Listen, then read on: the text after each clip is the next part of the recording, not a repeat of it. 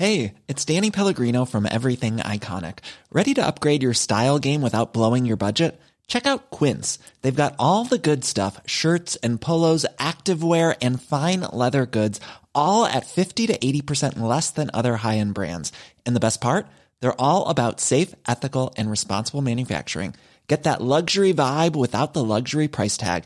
Hit up quince.com slash upgrade for free shipping and 365 day returns on your next order. That's quince.com slash upgrade. Hiring for your small business? If you're not looking for professionals on LinkedIn, you're looking in the wrong place. That's like looking for your car keys in a fish tank. LinkedIn helps you hire professionals you can't find anywhere else, even those who aren't actively searching for a new job but might be open to the perfect role. In a given month, over 70% of LinkedIn users don't even visit other leading job sites. So start looking in the right place. With LinkedIn, you can hire professionals like a professional. Post your free job on linkedin.com slash people today.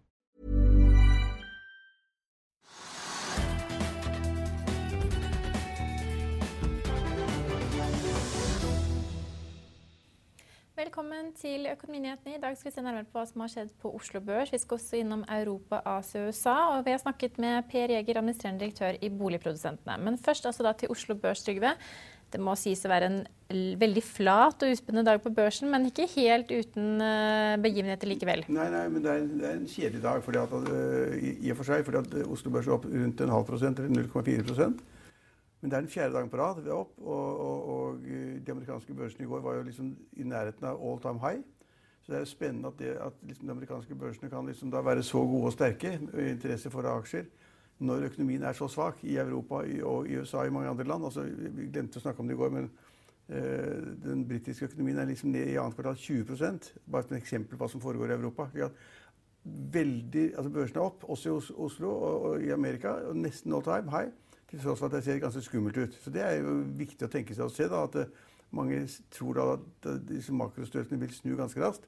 og at det der, Derfor så kjøper man aksjer nå. for at markedet, altså Aksjemarkedet ligger litt i forkant av de realøkonomien.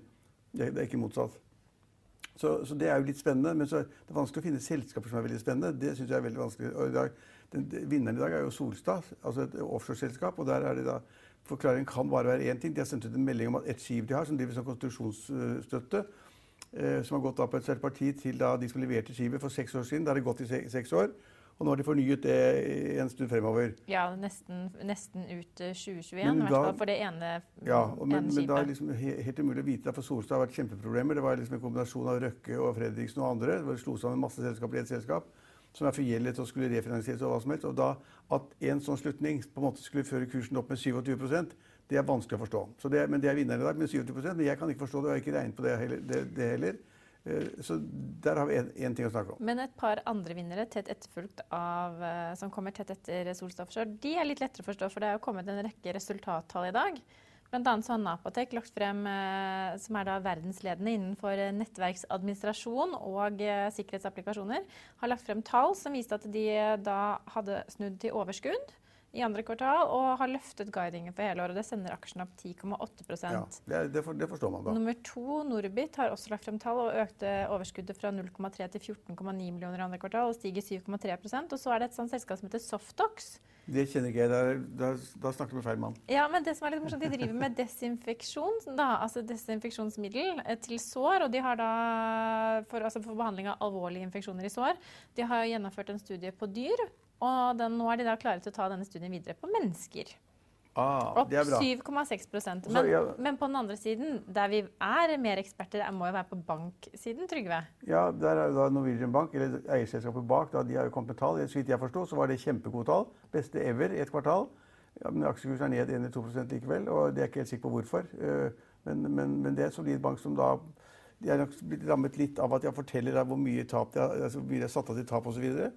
Eh, det, men, men, men, de tjente mer enn noen gang og ja. er åpenbart veldig flinke. Eh, selskapet resultat før skatt endte vel på 774 millioner ja. mot, uh, mot, 674 millioner i samme kvartal i fjor. Så det er jo over 100 bedre, millioner bedring. Da blir, da blir, det beste ever. Men, men, de satte av som du sa, 447 millioner da, til tapsavsetning i andre kvartal. Men det er faktisk lavere enn det de satte av i første kvartal, for det satte de av 621 millioner. Det er sånn veldig skjønnsmessig, de holder liksom regler for det, men det skal de jo gjøre. Eh, så det er, åpenbart har de tap, men liksom hvor mye det er, det, er, det er regler for det. Og de setter av det de må, sannsynligvis.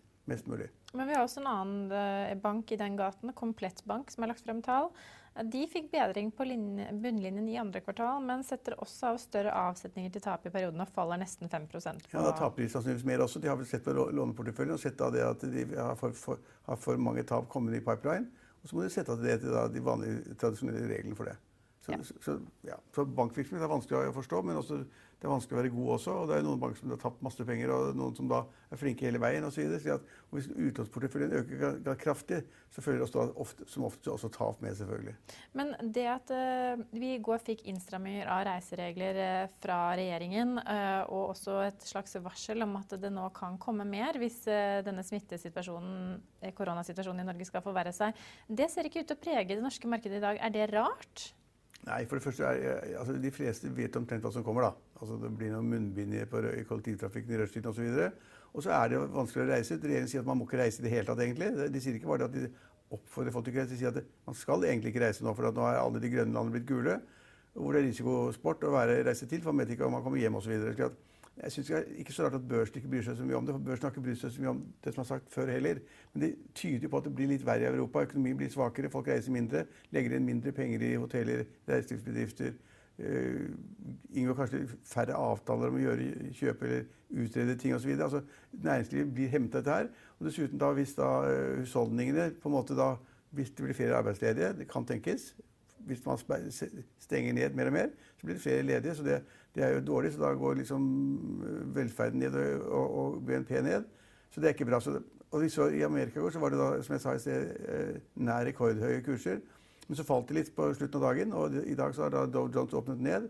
Selv om det har kommet av såkalte positive tall, nemlig at da, det er arbeidsmarkedet at det er under én million mennesker som søker om ledighetstrygd for første gang. Det kan jo tenkes at det er, så, at det er færre som søker enn forrige gang. At det, liksom, det, er så mange som har søkt tidligere. da. Så hvor mange skal søke om ledighetstrygd? Har folk gitt opp eller kommet inn på arbeidsmarkedet? eller hva, hva det er? Det er bitte litt bedre makrotall i USA, men jeg tviler på at de, den, det, det makrotallet vil gjøre det at eh, børsene går opp i dag. Det tviler jeg på. Det er litt mer negativt. Men hvor mye fokus er nå på det forestående presidentvalget? Ja, masse. Det kommer til at De amerikanske nyhetssendingene kommer til å være fulle hver eneste dag når man har fått en ny kvinnelig visepresidentkandidat Joe Biden, og, det, og, hun skal sammen da på en måte banke Trump. Og Trump kommer hver dag til å sende dårlige meldinger og Twitter-meldinger og undergrave de to. Og så vil de to liksom fremstille Trump som idiot. Nå tør folk stå frem ganske kjente mennesker i, i, i, den offentlige debatten og si at Trump er det dummeste merket de har sett osv. For han sier så mye rart om koronakrisen og at man kan bare ta en slurk av det eller slurk av det. Og at dette er sånn lett influensa. Og, og, og, jeg tror at mye av valgkampen kommer til å gå på at han har sagt veldig mye dumme ting om det. Og når da stadig folk liksom blir arbeidsledige, mister jobben, har, har, ikke inntekter, må gå på gata, eller få da nødhjelp fra staten, så er det negativt. Så Børsene vil være preget av at det blir masse uro. og det, selv, selv, om alle regner med at, at, Biden vinner, så er det uro i markedet. Og usikkerhet i markedet og usikkerhet det er ikke bra. Men hva, hva er det som kan tippe i motsatt retning at Donald Trump vinner, da? Nei, Det kan jeg ikke tenke meg. Det må være at, at, Biden sier helt absurde ting. Men nå har han fått en fornuftig visepresidentkandidat. Som er både kvinne og av uh, en farve. Ja. Og, og, at hun da er på en måte barn av innvandrere. Og at uh, hun har vært statsadvokat i California. Er, det, det, blir ikke uten videre. Og da, da, skal du på en måte bringe folk for retten, avhengig av bevisbyrd osv. Hun er åpenbart en kjempetøff dame og sitter i Senatet. Var, Noen sammenligner med en kvinnelig Barack Obama. Ja, jeg tipper hun er bedre enn uh, Michelle Obama. Ja. Men, men, det vet man ikke. Men det blir uro.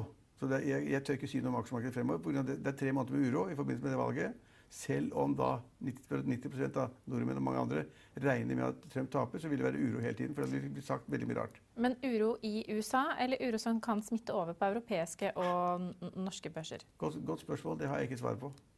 Men det, det mest spennende, vet du hva det er? Nei, Da gleder jeg meg til å høre. Ja, ikke aksjemarkedet. Det er en artikkel i Finansavisen ja. som da skrev om Obos-prosjektet som de har ved Frognerparken i Oslo, Middelstunds gate. Hvor da eh, Ikke den berømte takleiligheten som Nei, skal... Sånn du har prøvd å prute ned i pris hver gang nei, nei. Sånn, sånn, Daniel Serai har vært i nei, studio? Nei, som de har satt opp prisen på hele tiden. Altså, når de kommet opp i 93-94 millioner kroner for den takleiligheten, det, det, det, er jo en sak for seg, da. Men så fortalte de om andre leiligheter i bygget der ved siden av, hvor da Obos bygger. Og da var det snakk om altså, relativt ordinære leiligheter. Da. Det er alltid Obos, er litt ordinært. på 110 120 eller 115 kvadratmeter eller sånn, og der var kvadratmeterprisene hvor mye, Line? Nei, spør du meg, så spør jeg deg. Ja, men du må lese da Finansavisen bedre, for det var nemlig et utrolig tall. De, de, tre, de hadde tre leiligheter til salgs, eller usolgte leiligheter, og der var kvadratmeterprisen lå mellom 250 000 kroner per kvadratmeter og 275 000 per, per kvadratmeter i Obos-leiligheter. 250 000, 275 000 per kvadratmeter. Det vil si at du må ut med rundt 30 millioner kroner for en relativt liten Obos-leilighet på Frogner eller på Majorstua. Ja, Midt i smørøyet, da, vil noen si. Nei, altså, men, men, det som er litt spennende, at vi skal straks uh, Vi har hatt et intervju med Per Jeger i Boligprodusenten i dag. Og det er jo klart at bruktboligmarkedet har jo en voldsom takt og fart akkurat nå. Mens nyboligsalget selvfølgelig er liksom satt litt på hold. Det er færre igangsettelser. Eh, man er litt bekymret. Men hvis du skulle kjøpt bolig nå, Trygve, skulle du da kjøpt en ny bolig eller en bruktbolig? Altså Fordelen med en ny bolig er jo da, da du får levering om ett eller to år, så du må prøve å se litt fremover hvordan går markedet osv. Nå har jo prisene steget mer enn noen hadde regnet med i bruktmarkedet. Og Sannsynligvis blir de også satt litt opp i, ny, i, i nyboligmarkedet. For det, de prisene til Obos de ikke altså Andre vil ikke følge det. Altså du, du, får ikke solgt boliger i Oslo for, for 250 000 kvadrat, per, per, kvadratmeter hvis det ikke er en vanvittig luksusbolig i et vanvittig luksusstrøk, hvor det er en eller annen gærning er villig til å betale liksom, da, så mye per kvadratmeter. Uh, og hvis jeg ikke husker helt feil, så hadde Obos-prisen i snitt tidligere ligget på 80 000 per kvadratmeter. rundt der, Kanskje litt over 80 også og hoppe da til 250 000. Ja, Det høres jo helt vilt ut. Altså, de blir jo ikke solgt, Nei. mener jeg da. Men, men han, direktør i Obos, ikke vår venn, men en annen, han sa da det at det var feil å snakke om pris per kvadratmeter. For dette var snakk om en leilighet. Er man helt ubegavet, eller? Altså, det er selvfølgelig må man snakke om prisen per kvadratmeter. Det er størrelsen som betyr noe for prisen, og kvaliteten på leiligheten, selvfølgelig. Så Han kan ikke si at det, han ville ikke snakke og diskutere kvadratmeterpris. Han ville bare for at dette var leiligheter. Ja, også, men de er fortsatt ikke solgt, altså. det kan hende du kan prute de ned på kvadratmeterpris. Du, du, du ned. Men, altså, men, men sånn, med sånne priser Vi kommer også inn på et spennende poeng med Jeger hvert øyeblikk her. Men jeg sier jo at alminnelige mennesker kom, med vanlig inntekt kommer ikke til å ha råd til å bo i storbyer eh, i fremtiden. Og hvis vi får kvadratmeterpriser på dette nivået, da har han vel ganske rett i det det er helt riktig, det. Altså, da er jo den berømte sykepleierindeksen som sier at en sykepleier i Oslo har bare råd til å kjøpe 3% av boligene som det er til salgs i Oslo. Og før var det 20 og det er klart at Prisene blir nå så høye at uansett om du har god inntekt, god jobb, hva, det måtte være men de, altså, Dette er jo ikke noe sånn tendens i markedet generelt, det er det ikke, men det er, det er liksom litt sjukt. Da kan man godt tenke seg det at liksom, å, å, komme da med lavinntektsfamilie eller ikke jobbe i det hele tatt, eller være student eller noe annet, du, da har du ikke nubbsjanse til å kjøpe en leilighet i Oslo. Ikke nubbsjanse. Nei. Og vi har snakket med Per Jeger i Boligprodusentene, som nå ikke kan forstå annet enn at det går mot en kraftig boligprisvekst. Administrerende direktør i Boligprodusentene, Per Jæger. Eh, dere la frem tall for andre kvartal og første halvår 2020. En periode som har vært sterkt preget av korona, også nedstengning av eh, Norge. Hva er de største forskjellene hvis du sammenligner med første halvår 2019? Ja, Det er jo at vi har hatt eh, korona veldig sterkt i, i bildet. Og vi har hatt eh, folk som har vært veldig bekymra for sin egen uh, situasjon. Og Det gjør at du blir nervøs for å kjøpe bolig. Og så er det jo mange som har mista jobben sin. Og Mister man jobben så, eller er permittert, så stopper man kanskje en prosess på det. Og Vi har jo derfor hatt en god del kanselleringer og utsettelse av kontrakter for at man er, man er bekymra i uh, situasjonen. Vi ser at antall solgte nyboliger var rekordlavt i andre kvartal. Er det en bekymringsfull utvikling? Ja, vi, vi må jo ha noe salg for å kunne bygge noe. Og Det er jo det som er si, styrken i Norge, at vi hele tida har en situasjon som gjør at vi har folk som uh, kjøper boliger av oss. Fordi at da kan vi bygge boliger. Og vi må jo ha for de som er på leiligheter, som de fleste i Oslo-området er opptatt av, så må du ha et salg på 50-70% før du kan starte noe som helst. Og Derfor så får du heller ikke tomme husblokker som eh, du ikke har fått solgt. Eh, men eh, vi ser jo at det er store forskjeller på nyboligsalget kontra bruktboligmarkedet. Har du noen kommentar til det? Ja, altså De som da skal, si, skal starte helt fra scratch, altså et prosjekt som du skal da begynne et salg på, nylig prosjekt lagt ut, så tar det jo tid før det vil bli bygd. En blokk tar det to år å bygge. Og hvis det da tar et år eller et halvt år å få nok eh, folk som skal eh, ha kjøpt, ja så venter du på to og et halvt år. Men hvis du er innafor eh, trenger en bolig nå, så er jo det i bruktmarkedet det stedet hvor du raskt kan få en ny bolig. Ja. Derfor så tar det lengre tid. Men hva, hva, ser du på som de største usikkerhetsmomentene, eller hva er det som vil bli avgjørende for hvordan ting vil utvikle seg fremover nå? Ja, denne Koronasituasjonen er jo en av de store usikkerhetsmomentene som jeg tror ikke ingen, ingen kan uh, si noe. Jeg har fått noen spørsmål i dag og som jeg sier at uh, her tror jeg vi alle sammen er like gode eksperter på hvordan dette utvikler seg. Det som er forskjellen fra mars og til nå, er jo at vi har gode uh, sikkerhetsmåter, eller måter vi håndterer smittevernsituasjonen på, som vi ikke hadde i, i mars. Så eh, Det gjør jo at byggeplassene har jo gått hele tida. Vi har få som er syke, folk er flinke til å vaske hender, holde én meter. Og Det gjør at vi, vi si, stort sett klarer dette veldig godt. Det andre som bekymrer meg, det er den eh, situasjonen på at boligprisene stiger så mye på bruktmarkedet. For Det gjør jo at myndighetene blir nervøse i forhold til bruk av boliglånsforskriften. Og Hvis du bruker boliglånsforskriften for sterkt, så får du ganske sterke virkninger inn på nyboligsalget. Er, og da er det spesielt ute i distriktene vi merker det, og i Oslo merker du det stort fordi at du har problemer med å bruke bare femgangen i forhold til inntekt. Og når vi da nevner boligpriser, altså Igangsettelsen er jo da 15% under 2019-tallene. Eh, hvilke ringvirkninger frykter du at det kan ha inn i f.eks. 2021 og 2022? Ja, det vil jo bli bygd færre boliger. Og, altså, vi, vi, har prøvd oss på en prognose i dag på å si at vi, hvis, altså, hvis, dette hadde fortsatt sånn som vi hadde det i mars, april og mai, så så vi jo for oss at det var 10 000 færre boliger. Altså at vi kom ned på en 17 000-18 000 boliger. Uh, nå er vi vel blitt litt mer betinget optimisme, som, vi har begynt å kalle det her Eh, det er jo at vi da ser at vi kanskje kommer bare ned på 4000. Men det forutsetter at vi klarer å holde samme salget nå som vi gjorde i, i, i annet, annet halvår i 2019. Og det er jo ikke sikkert. Altså, hvordan, hvordan vil denne koronasituasjonen påvirke oss? Vi har jo hørt mange spå at boligprisene vil eh, få en rekyl opp i 2021-2022. Eh, er det mer eller mindre sannsynlig nå, tenker du? Altså rekyl, da tenker du oppover. Eller nedover, ja. Oppover, ja. Ja, oppover. Og da, ja, jeg tror det, det er riktig. Altså, vi ser jo at Oslo har jo en uh, reguleringstakt nå på ca. 1000 på halvåret. Altså 2000. Og hittil så har vi sagt at Oslo trenger ca. 5000 nye boliger. Så hvis ikke det gir uh, prisvekst, så vet ikke jeg. Altså, jeg tror jo fortsatt at hvis du får for lite inn i et marked, så går prisen opp.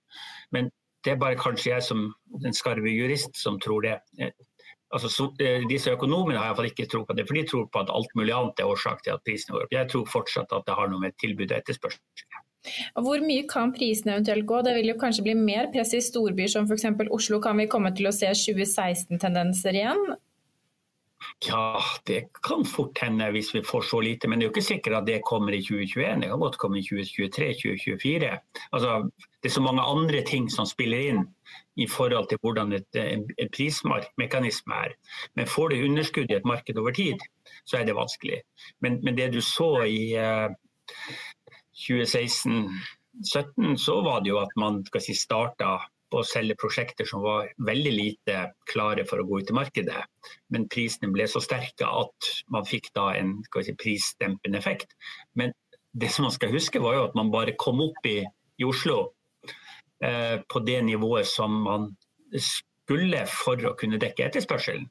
Og Det samme gjorde man i Akershus. Mens nå faller både Akershus og Oslo.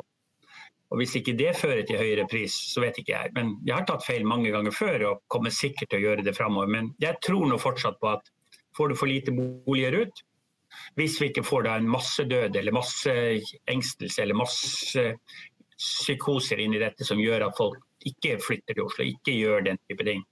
Men ellers så tror jeg Oslo kommer til å trenge ganske mye arbeidskraft også framover. Du har også ment at drømmen om å eie bolig snart vil bli uoppnåelig for husholdninger med alminnelig inntekt. Hva legger du i det? Ja, Prisene kommer til å bli så høye at uh, det er kun de som har rike mammaer og pappaer eller onkler og tanter eller besteforeldre som klarer å komme inn. Fordi at Hvis du har 500 000 med en gjennomsnittsinntekt i Norge i dag, så kan du i hvert fall ikke kjøpe ny bolig i Oslo hvis du ikke har noen andre som hjelper deg. Det er nesten ikke boliger som ligger på litt over, eller under 3 millioner kroner i Oslo. Kanskje man skulle ha gjort et eksperiment. Det var jo også å si at nå bygger vi i ett eller to år så mye småleiligheter vi bare klarer for at folk har et sted å komme inn i. Og så si at det, det, er der vi ønsker at alle skal eh, gå inn. Kanskje hadde det skjedd noe i eh, prismarkedet da. Takk for at du hadde tid til en prat med oss i dag. Ja, I Finansavisen i morgen kan du lese Trygve Hegnars leder om at hvis Abid Raja får partilederjobben i Venstre, blir det sirkus fra morgen til kveld. Knut Stokka så boligen der Einar Greve og Christian Eidem barket sammen i slagsmål på innflytningsfest, og Ole Andreas Krohn i DNB Markets frykter skuffelser knyttet til verdensøkonomien og forholdet mellom USA og Kina, og foretrekker defensive aksjer. Vi er tilbake i morgen klokken 13.30. Følg med oss igjen da.